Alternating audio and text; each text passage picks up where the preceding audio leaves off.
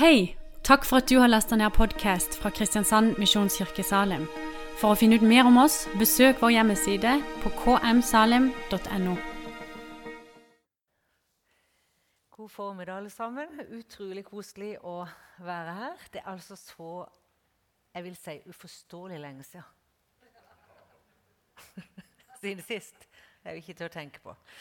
Så det får jeg bare fortrenge mens jeg stender her. Men eh, veldig godt å se alle sammen. Og uh, ønsker virkelig alle ei veldig god førjulstid. Nå nærmer det seg jo fort til at vi skal feire den gaven som vi feirer hvert år. Den samme gaven, men like herlig å feire. ikke det fint? Tenk på det. Det er jo liksom en, den der uh, Å kunne liksom bruke disse, spesielt disse her månedene i en ukene i desember. da, og bare dvele litt med den fantastiske gaven som, som Jesus er til oss. Det syns jeg faktisk er fint. Også, um, Anne Kristiansen har egentlig hatt det noen, noen, år. da, Jeg føler meg mer eller mindre vellykka i det. da. Men liksom sagt at Desember burde, burde være en litt sånn stille måned. Ja, men ikke lett. Men, men, tanken er jo der i forhold til å kunne være i forventning og dvele litt med og være til stede i eh, den feiringa og hvorfor vi feirer, feirer jul. I dag skulle jeg prøve å gi et lite blikk fra gjeterens perspektiv. Vi får se hvor lenge jeg klarer å holde meg i det. Men eh, det er jo veldig interessant å, å, tenke litt ut fra den situasjonen de, de, de, var i. Så da vil jeg bare begynne med å lese fra Lukas 2, fra vers 8 og til og med 20. Det var noen gjetere der i nærheten som var ute og holdt nattevakt over sauene sine. Med ett sto en Herrens engel foran dem, og Herrens herlighet lyste om dem. De ble meget forferdet, men engelen sa til dem, Frykt ikke, jeg kommer til dere med bud om en stor glede, en glede for hele folket. I dag er det født en frelser i Davids by. Han er Kristus, Herren. Og dette skal dere ha til tegn. Dere skal finne et barn som er svøpt og ligger i en krybbe. Med ett Um, med ett var engelen omgitt av en himmelsk herskare som lovpriste Gud og sang. Ære være Gud i det høyeste, og fred på jorden blant mennesker som har Guds velbehag. Da englene hadde forlatt dem og vendt tilbake til himmelen, sa gjeterne til hverandre.: La oss gå inn til Betlehem for å se dette som har hendt, og som Herren har kunngjort oss. Og De skyndte seg av sted og fant Maria og Josef og det lille barnet som lå i krybben. Da de fikk se ham, fortalte de alt som var blitt sagt dem om dette barnet. Alle som hørte på, undret seg over det gjeterne fortalte. Men Maria gjemte alt dette i sitt hjerte og grunnen på det. Gjeterne dro tilbake mens de priste og lovet Gud for det de hadde hørt og sett. Alt var slik som det var blitt sagt dem. En svensk dikter som heter Per Lagerkvist, han sa i gang at juleevangeliet er det vakreste som noen gang er skrevet. Og så føyde han til Tenk om det er sant? Og da vil jeg føye til det han sa i forhold til at juleevangeliet er det vakreste som noen gang er skrevet. Tenk at det er sant. Ja, Hvordan kan vi si det så sikkert? Jo, vi har jo møtt han. Vi har jo sett han. Vi har jo erfart livet med Gud. Vi, du og meg, har fått lov til å oppleve at han som er Gud, han valgte å bli menneske. Og han valgte å tre inn og flytte inn i min og din verden. Så kan du jo absolutt spekulere fornuftsmessig på at Gud, Den hellige ånd,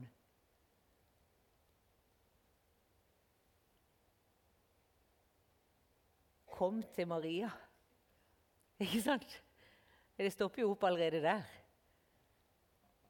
Og det er mange spørsmål, for det er overnaturlig. Det er over vår forstand. Men vi har jo møtt han. Vi har jo opplevd og erfart at han har flytta inn i våre liv. Og vi ser det omkring oss, at han har flytta inn. Og jeg lar aldri jeg tenker på det faktisk hver desember, og kanskje oftere òg, men iallfall da. Så tenker jeg at eh, Så vakkert, egentlig. At Gud valgte at Jesus skulle bli født i en stall. Jeg tenker Han kunne ha valgt så veldig mye mange andre plasser. Han kunne ha gjort det så mye sikrere for gudesønnen. Han kunne ha gjort det så mye mer verdig. Det var ikke at han skulle sende han til jord, men at han i tillegg liksom velger å la han fødes i en stall. Det syns jeg er et veldig sterkt bilde som jeg har lyst til å komme litt tilbake til senere. I Johannes 1 så, så leser vi eh, Johannes 1, så står det, nei, Johannes 1, 1 så står det I begynnelsen var Ordet. Ordet var hos Gud, og Ordet var Gud. Han var i begynnelsen hos Gud. Alt er blitt til ved ham. Uten ham er ikke noe blitt til av alt som er til. Og så hør I ham var liv, og livet var menneskenes lys. Og lyset skinner i mørket, men mørket tok ikke imot det. En mann sto fram, utsendt av Gud. Johannes var hans navn. Han kom for å vitne. Han skulle vitne om lyset, så alle skulle komme til tro ved ham. Det var ikke han som var lyset, men han skulle vitne om lyset. Det sanne lys som lyser for hvert menneske, kom nå til verden. Og Det står her om gjeterne at de fikk se et stort lys. Eller Herren, det står at Herrens herlighet lyste om dem. Og det er jo noe utrolig vakkert med hele hva skal jeg si, Jesu komme. Det ene var jo at han kom til en ung jente som var jomfru. Han kunne jo iallfall ha sikra ryktet til mora hans. Ikke sant? Men det gjorde han heller ikke. Han valgte å sette alle religiøse og fariseistiske holdt jeg på å si, holdning og tanke og menneskes og tradisjonens uh, verdighet på, på, spill, på en måte. Med å velge en ugift ung jente til å være den som skulle bære verdens frelser fram. Og så velger han gjetere, som på en måte er de som virkelig får et budskap om og at Guds herlighet han velger at hans egen herlighet skal lyse over en flokk med sauer og gjetere, holdt jeg på å si. Hvem var, var gjetere? Vi, vi, ser jo ikke ned på bøndene i dag. Men gjeterne i den tida, og også i dag i Israel, de har, det er liksom bare Du kan nesten ikke Jeg vet ikke om du kan komme lavere på rangstigen enn å være gjeter. Og iallfall var det sånn på Jesu tid. Det var liksom outsidere. De, var, de hadde ingen respekt. De hadde ingen verdighet. De gikk og surra fra sted til sted, fra den ene grønne enga til den andre med de sauene. Det var livet deres. De blir sett ned på uansett hvor de kom.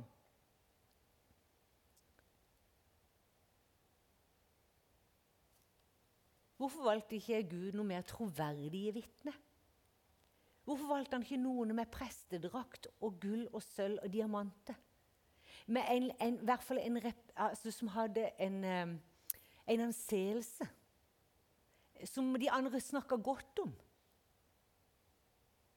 Det er veldig fint, syns jeg. Det går liksom igjen i hele juleevangeliet. Hele Jesu komme. At han, han liksom, Akkurat som han må mose det inn i oss på et vis. At jeg kom for det svake. Jeg kom for det som ikke var noe. Jeg kom til den som var utstøtt. Jeg kom til de som ikke var noen ting.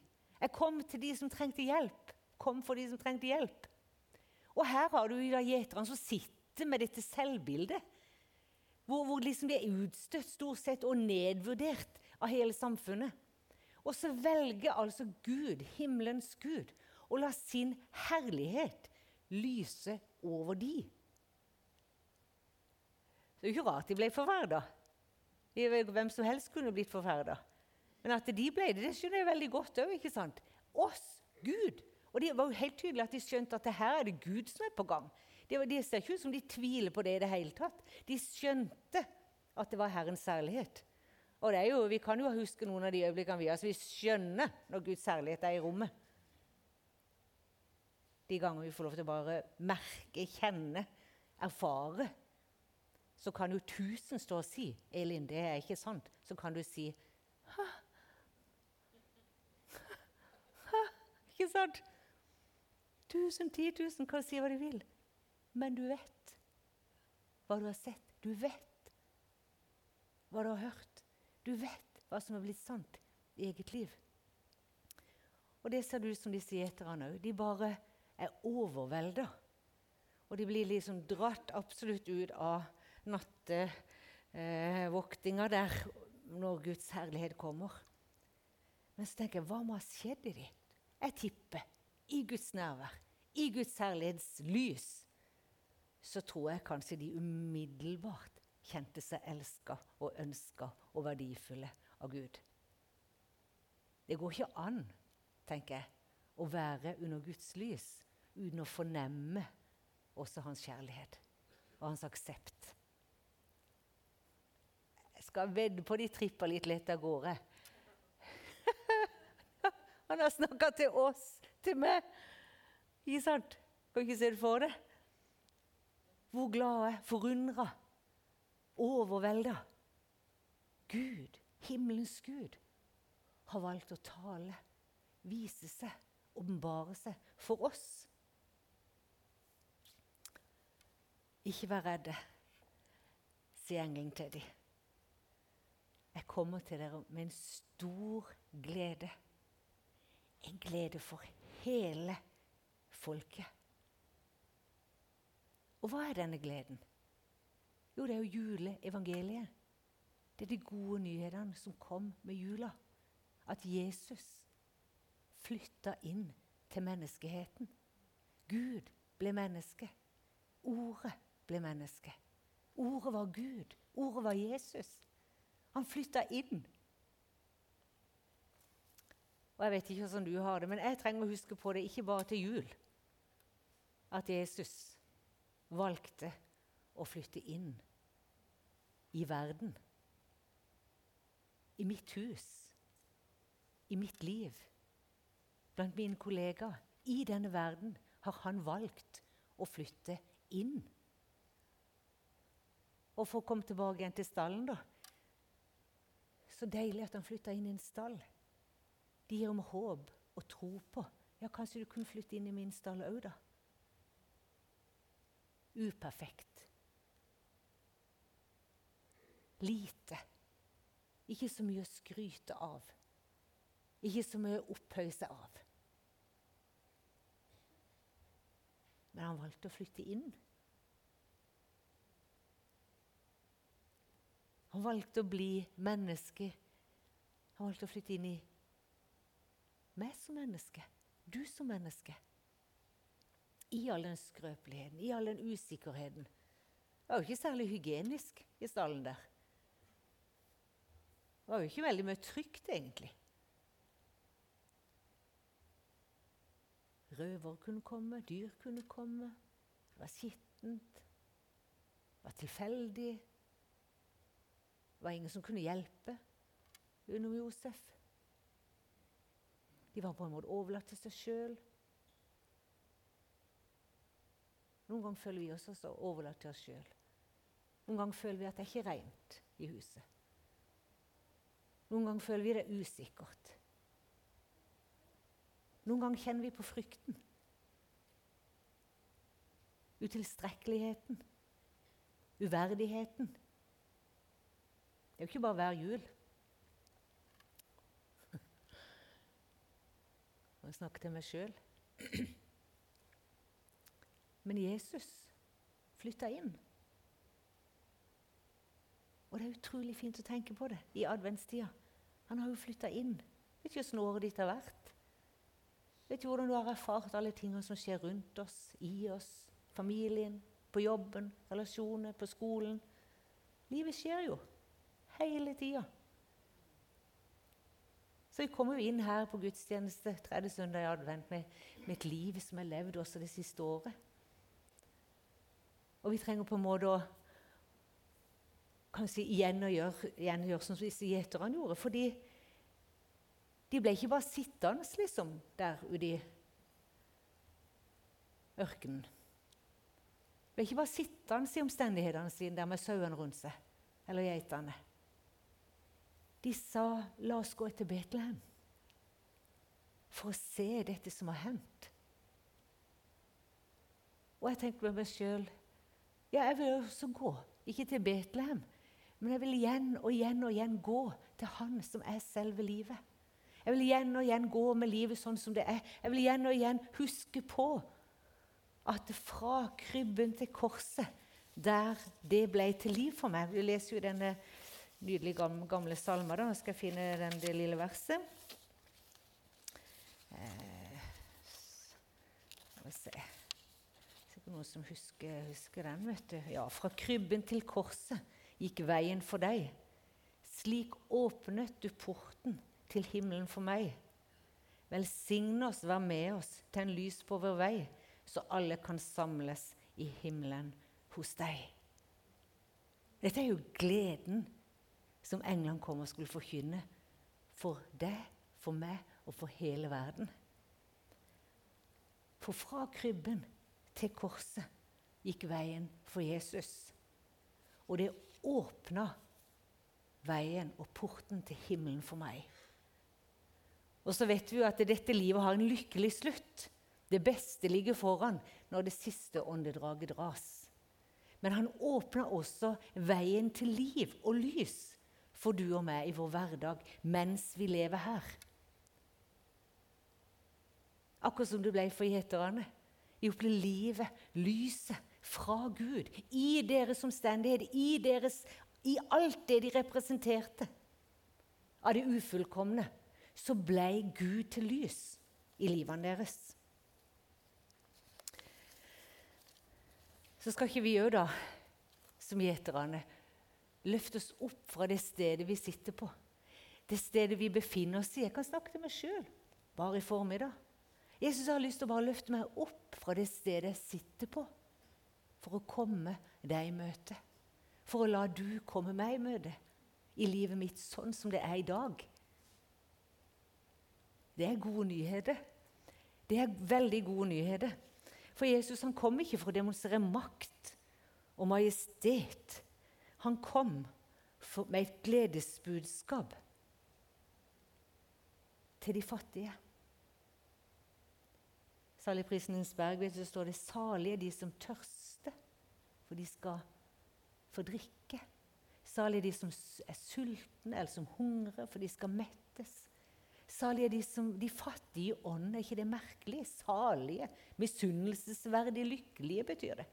Er de som mangler alt. Hvorfor? Jo, for de skal mettes av Han som kom. Jesus kom til de fattige. Han kom for å gi frihet til fange. Han kom for at vi skulle få synet tilbake. Der vi er blinde, der vi ikke lenger ser. Der det har blitt skygge på synet vårt. Der gråstæren har kommet, åndelig sett.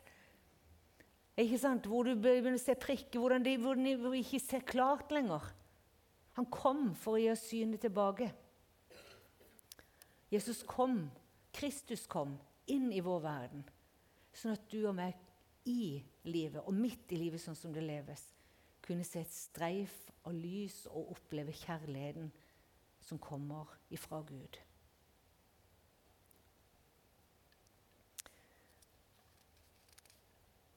Frykt ikke, var budskapet fra engelen til gjeterne. Og som jeg sa i stad, så kan vi jo skjønne hvorfor de ble overvelda, og hvorfor frykten tok dem. Men Jesus sier det motsatte av frykt er jo fred. Så står det jo lenger ned i verset her at eh, ære være Gud i det høyeste og fred på jorden blant mennesker som har Guds velbehag. Og det er jo hele årsaken til at vi ikke skal trenge å frykte. Gud sa 'frykt ikke' til Maria. Han sa 'frykt ikke' til gjeterne. Og han sier, 'Frykt ikke til du og meg', fordi at han kom med fred til oss som har Guds velbehag. Og det er jo nåde over nåde. At, Gud, at Gud har velbehag. At han ser i yndest. At han ser i godhet. At han ser med kjærlighet. At han ser med overbærenhet. At han ser med tilgivelse i blikket. At han, at han ser på oss som er i Kristus, med velbehag.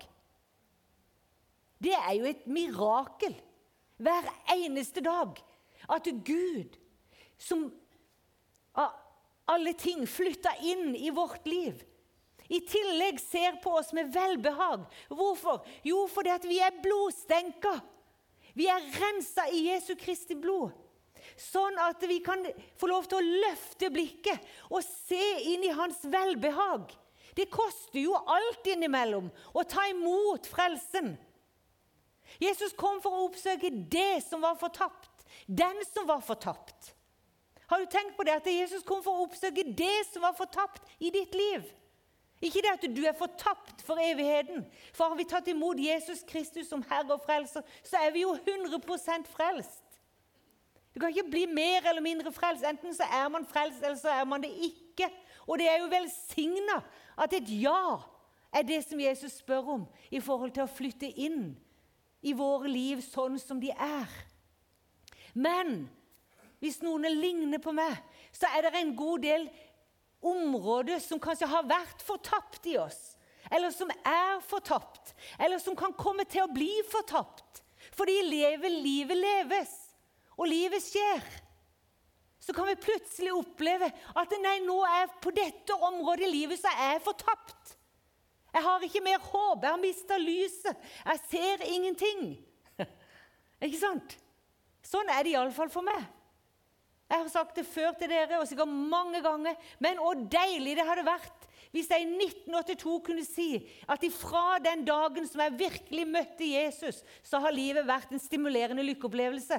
Og fint hadde ikke det vært. Alt perfekt. Men jeg ville være den største løgner. Jeg ville være den største bedrager på en talerstol hvis jeg sa det. Men noe så vidunderlig å få lov til å se inn i at midt i alt dette så sier Gud at jeg har velbehag over det. Du trenger ikke lenger å frykte Du trenger ikke frykte for deg selv. Du trenger ikke frykte for andre. Du trenger ikke frykte for Se på spurven på marken. Sier Jesus. Jeg bare finne et par bibelvers. Johannes 14, 27 så står det Fred etterlater jeg dere. Min fred gir jeg dere. Ikke den fred som verden gir. La ikke hjertet bli grepet av angst og motløshet.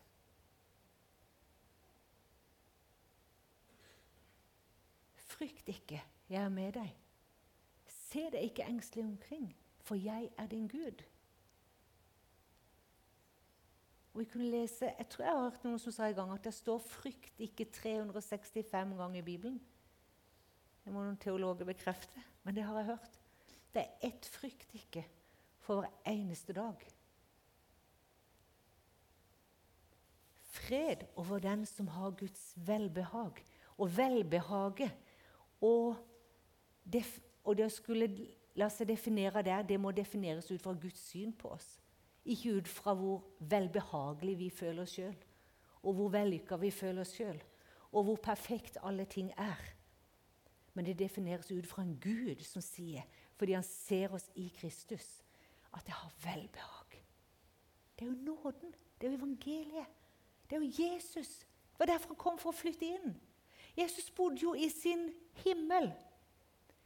I alt sitt velde, i all sin majestet, på tronen. Over alle galakser, over alt som er skapt, alt som er. Så var han. Og så sier Gud, 'Jeg vil bli menneske'. Jeg vil bøye meg helt ned. Og ikke vil jeg bare bøye meg helt ned og leve liksom blant dem, men han ble gjort til synd for at vi skulle bli rettferdige innenfor han. Han ble jo gjort til oss. Han ble jo gjort til det han flytta inn i. Hvorfor? For at vi skulle være fri. For at vi skulle leve. For at vi skulle kunne puste. Sånn at angsten kunne slippe og depresjonen løftes. Når den har ført oss inn i frykt for døden, frykt for livet, frykt for omstendigheter, så får du lov til å løfte blikket og se at vi har Guds velbehag. Jeg syns det er nydelig. Så fantastisk. Tenk å gå inn i jula med dette. Jeg skulle ønske vi kunne riste av oss i formiddag. Riste av oss det som har gjort at vi frykter. Riste av oss og be om nåde og salve på øynene våre, så vi kan se evangeliet på nytt. Så vi kan se at han flytter inn.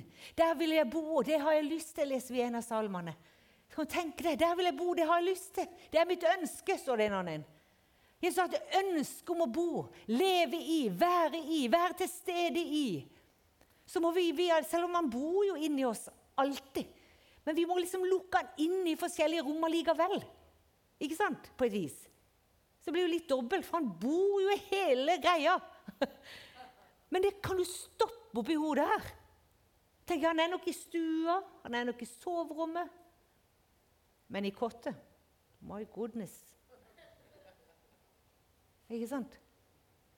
Men han er jo der uansett. Men for å leve i friheten og gleden og kraften av at Jesus faktisk har flytta inn, så må vi åpne dørene. Så vi sier, 'Jesus, du får komme inn, da. Du får være her, da, Jesus.' Og så er det jo ikke bare det eh, med disse gjeterne. De, når de kom, når de kom og så Jesus, Maria og Josef, så fortalte de alt engelen hadde sagt til dem. Og da hadde jeg lyst til å si litt om at den nåden, det livet, den gleden som er forkynt inni sinnet vårt, inni hjertene våre, inni kroppen vår, inni menigheten vår, den gleden er det mange som venter på å få del i. Gjeterne fortalte om det de hadde sett og hørt, det de hadde erfart. Og det skal du og meg òg gjøre. Og Ei eh, dame som sa her for en stund siden, så sa hun hvordan ville det sett ut dersom Jesus flytta inn i nabolaget ditt? Jeg tenkte på det, eh, Reidun og Harald. Dere er jo altså to ubegripelig skjønne mennesker. Ja, men dere er jo det. Det er jo gullkanter, og der skulle jo gullforgylles og alt. Men jeg syns det er sånn et utrolig fint perspektiv. Ok, så er Det jo, det må jo være rart liksom, å flytte plass og menighet. Dere har levd og bodd her i alle disse årene. Men så kjenner dere kallet til nabolaget. Til en lett vei å ta dem med inn i Guds hus. Istedenfor å måtte kjøre over broa. Det er jo langt, på en måte. Ja, på sett er unaturlig. Jeg skjønner. Men jeg tenkte på det, for jeg hadde tenkt å si dette her om nabolaget uansett. Men jeg tenker, jo, jeg tror det ser sånn ut når Jesus har flytta inn i nabolaget. At det er de som bærer Kristus, de bærer han til naboen. Og så sa hun den gangen som jeg hørte på, så sa hun det at ville det da være noen ensomme i nabolaget ditt hvis Jesus flytta inn? For eksempel.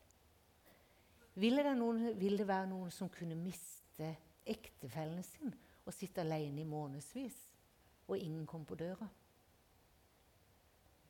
Vil de kunne flytte inn en ny landsmann uten at de ble invitert inn i Jesus sitt nærvær? Det utfordrer meg faktisk veldig. For tenker, Hvordan vil det se ut hvis Jesus flytta inn i mitt nabolag? Og så slår det jo meg like fort som jeg sier det. Ja, men han har jo faktisk flytta inn, for vi bor der jo. Ikke sant?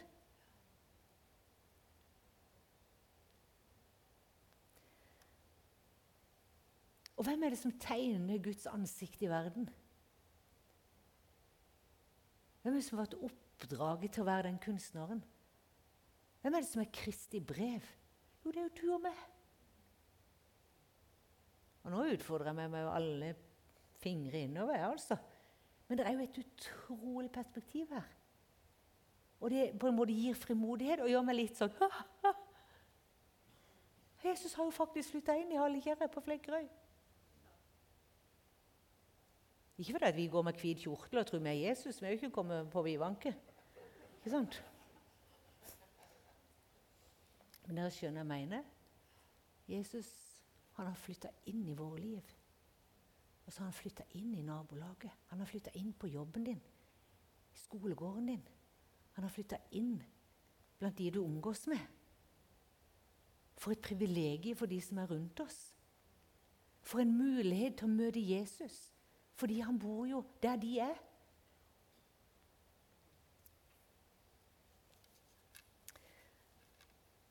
Og igjen, Jesus kom for å oppsøke det, den som var fortapt. Og da tenkte jeg, kan ikke vi gå inn i denne jula med en litt sånn oppsøkende holdning? Gjeterne de gjorde det, de, de, de oppsøkte. Hadde, Gud hadde talt, englene hadde snakka til dem. Og de oppsøkte for å finne og søke og utforske. Jeg tenkte, skal vi oppsøke, utforske?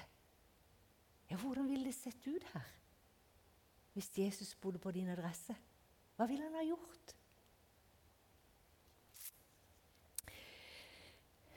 Jeg var faktisk for ikke så lenge siden Jeg må bare fort med å si at det er tre uker siden, så ingen får panikk. Men jeg var i Sør-Afrika. Jeg var i Sør-Afrika, så kom jeg hjem og så skulle jeg til Øygarden og tale etterpå. Det var fint. Det ble jo dobbeltdekker, men eh, jeg hadde fire tester, og alle var negative, så det var helt fint. Men det var veldig fint å være der. Men det ble liksom, en skulle ha et par turer sånn i året og bare kjenne på hva, hvordan mennesker lever i en annen verden. Men det var veldig fint på samme tid, og det var det at vi fikk lov til å være med rundt til noen enker. Um, og de, har, de, lever for 560 kroner måneden. Det er det de får av staten. Det er jo ekstremt lite. Sør-Afrika er ikke et sånn sett billig land. Og uansett hvilket land du bor i, så er ikke det mye. Men i alle fall så kom vi til en enke og fortalte hun hadde hatt fire barn og hadde mista tre av de siste hadde dødd eh, i løpet av det siste året. Og så var det en på teamet da som Eller vi spurte om, eh, om det var noe vi kunne gjøre for henne. Jeg ble jo litt flau da, vet du, for det var ikke så det er ikke så lett heller. Det er vanskelig å ta imot hjelp. Men hun hun sa ja, vi vil gjerne det. Hun hadde vært med og starta menigheten der nede. var en pioner, så vi prøvde å løfte opp. liksom sånn og si men du er jo en Guds kvinne, og, og, og, du har vært med å starte menigheten, og vi har lyst til å ære deg. Og vi ga på det på seg så at det ikke skulle være flaut for henne å ta imot. For vi kjente veld, veldig at vi hadde lyst til å hjelpe. Ja, så fortalte hun ja, jeg kunne ønske jeg kunne få lov til å starte opp igjen. For hun hadde hatt en liten sånn business med at hun lagde lagde, noe, altså, kjøpte kjøtt på markedet og lagde forskjellige ingrediens eller um, varer og solgte de. Og alt det ble jo lukka ned. De fattige har jo vært en allveis etter denne koronaen. Så da hadde jo hele den greia gått ned der hun hadde lille ekstra. Pluss at dattera hadde, hadde, gitt henne penger til det månedlige. Ja hva, trenger, hva, ja, hva koster det? Hva trenger du for det? Jo, 1200 kroner. Kan du ikke tenke? En blir jo så ydmyke i hjertet sier vi ingen problem. Det skal vi absolutt ordne. Og så ble vi minnet på å spørre ja, hvor mye du har i pensjon. Og da begynner det å bli veldig personlig. Det er jo på kanten, vet du. Akkurat som jeg hadde noe med det. Men jeg bare kjente jeg må spørre om det. Eh, og så sier hun det. Så sier hun 1000 rand, det er ca. 560 kroner. Ja, men så sa, sa, vi bare ja, men da dobler vi pensjonen din. Ikke sant? Og så og så begynner hun å grine igjen. Og så sier hun akkurat de 1000 randene som dere ønsker å gi, det var det dattera mi ga til meg før hun døde i måneden. Vet, og det, jeg sier ikke dette, for dette er jo, det er jo så lite at det er ikke noe Men jeg, jeg vil egentlig bare si litt, et lite prinsipp rundt det. Så tenker jeg For henne så kommer jo på en måte Jesus på besøk. Hun fikk dobla inntekten sin. Hun fikk starta igjen med butikken.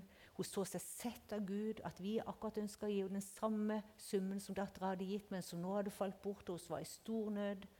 Og sånn fortsatte vi den dagen. Og bare møte mennesker. Og på en måte trå Jeg kom inn til ei anna der. Gammel dame, så vidt hun kunne gå ned trappa. Dattera var død. Etterlot seg tre barn under ni år. Hvor da den ene som kan ta hånd om denne datteren, disse barna, er denne dattera nei, denne bestemora. 560 kroner måneden. Vi kommer inn, hvis klærne henger på snora der, de var svarte fremdeles, så hadde ikke evne til å holde ting rent. Så kommer vi inn i huset, så bare slår tragedien imot oss. Det lukta, og det så ikke ut. og var, De hadde ikke seng å sove i, de hadde ingenting. Møblene var fullstendig oppreven. Det var bare boff! Og så var, kjente vi når vi sa ikke, vi kan ikke se dette uten å på en eller annen måte prøve å være Guds hender inn i den situasjonen. Og jeg vet jo Temaet har vært om å stoppe for den ene. Og nå er det ikke sånne tilstander for de fleste her. Kan finne noen sånne hus i Norge også. I rusmiljøer, dyp psykiatri kanskje. Hvor det, alt, er, alt er kollaps. Men Jesus han flytta jo inn. Og hvordan skulle denne dama oppleve at Jesus flytta inn? Vi kunne ha gått inn og så kunne vi sagt ja, vi skal be for det. Skjønner du? Og det er jo fint. Det trengte både hun og de båndene. Men hvordan skulle hun kjenne at Jesus var på besøk? Det er jo da hun må liksom Ja, det gir meg et voldsomt perspektiv. Hvordan skal den dama som er enig Du vet at du har ikke sett en bil i gården på fire måneder i nabolaget. Og vi kan si at jeg må be for henne. Håper det er en greit. Ja, men det er fint, vi må be for noen. Men tenk om vi kunne være Guds hende. Tenk om vi kunne være den som representerte Jesus når vi banker på døra. Skal ikke mase, jeg håper jeg mase mer rundt det, men jeg håper dere skjønner litt tegninga. Vi hadde mange fine opplevelser. Jeg er unge, vi hadde fire unge damer med oss på turen der. Så plutselig sier du i bilen jeg må fortelle dere noe. Jeg er bare for en mann som var helt hvit på øynene sine. Han kunne ikke se. Og bare helt sånn vagt syn han hadde. Og når jeg ba for ham, sa hun, så bare forsvant det hvite vekk. Og så så de brune kom fram. Og han kunne se. Ei annen en dame som slepte beinet med seg. Mannen var muslim. Hun hadde, vet jeg ikke helt, Vi prøvde å få ut helt hva hun tenkte, men vi sa kan vi be for det beinet ditt. Ja, vi kunne be for beinet hennes. sitt. Gikk som en dronning etterpå. Skjønner du? Guds rike ser ut som noe, og Jesus stopper for den ene. Hva er det vi kan gi? Jesus sier Eller det gjorde han ikke, men det står i Jesajas. Men han er helt enig. Nei, slik er fasten som jeg vil ha. At du løser de som er urett er lenket. Sprenger båndene i åker og setter de undertrykte fri. Ja, bryter hvert åk i stykker. At du deler ditt brød med dem som sulter. At du lar hjemløse stakkarer komme i hus. At du sørger for klær når du ser en naken, og ikke svikter dine egne. Da skal ditt lys bryste fram som når dagen gryr. Dine sår skal snart leges og gro. Din rettferd skal gå foran deg, og Herrens herlighet følge etter deg. Da skal Herren svare når du kaller på ham, når du roper om hjelp, skal han si, Her er jeg. Hør nå. Når du tar bort hvert tyngende åk, når du holder opp med å peke finger og tale ondskapsfullt om andre, når du deler ditt brød med dem som sulter, og metter dem som lider nød, der skal lyset renne for deg i mørket, og natten skal bli som høylys dag. Herren skal alltid lede deg og mette deg i det tørre land. Han skal gi deg nye krefter, så du blir en vannrik hage.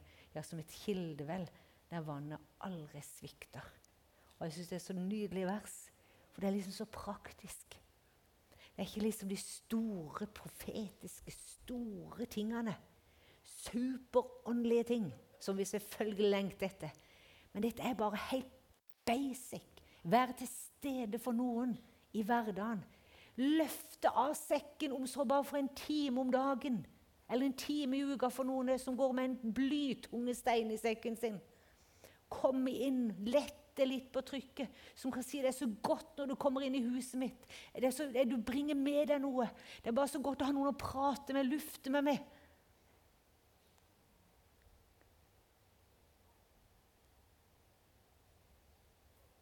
Hæ? Det er så lite. Men Jesus sier dette er fasten. Hva er en faste? Jo, det er på en måte å eh, la være noe for å gjøre noe annet. Sette seg til side for noe. Det er dette vil jeg skal sette til side for. Stoppe for den ene. Del det lyset som du har fått fra Gud.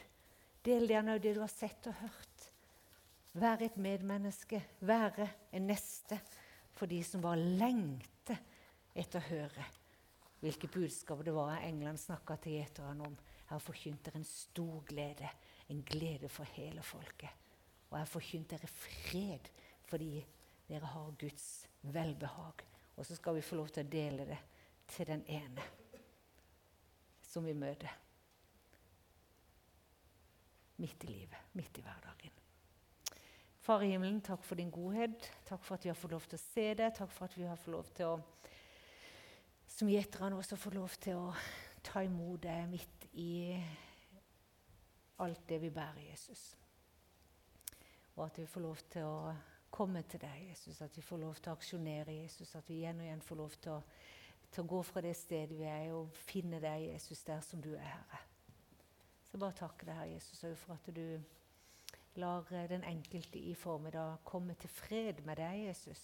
Takk at du har talt fred over fortida vår, nåtida vår. Takk at du er den som har framtidstanke og fredstanke for, eh, for framtida vår, Jesus. Så bare ber Herre der som at eh, der som uroen har kommet til, der denne gode freden som overgår all forstand, og som bevarer vår hjerte i deg, Jesus, der den har fått skygge, Jesus, der den har blitt forminska, Herre, der den har blitt liten, Jesus, ber om at du må komme med din fred. Takk for at du er fredsfyrste. Takk at hervel er lagt på dine skuldre, Jesus. Nå bare ber om ditt shalom, Herre. Ditt shalom, Jesus, i hver enkelts hjerte og hvert enkelt sinn, Jesus hvert enkelts indre liv, inn mot jula, alle ting som skal være. Jesus, jeg ber om at det må være en dyp, dyp, dyp indre fred i sentrum av livet vårt, Jesus. Takk deg for din godhet. Så ber jeg om at vi skal få dele med glede på alle mulige praktiske vis. At du ser og at du bryr deg om de som er rundt oss. Hjelp oss å stoppe for den ene. Ikke la oss drukne i mengden, Herre. Men la oss se den ene og la oss få lov til å være og representere deg, Jesus, for én og én. Jesu navn. Amen.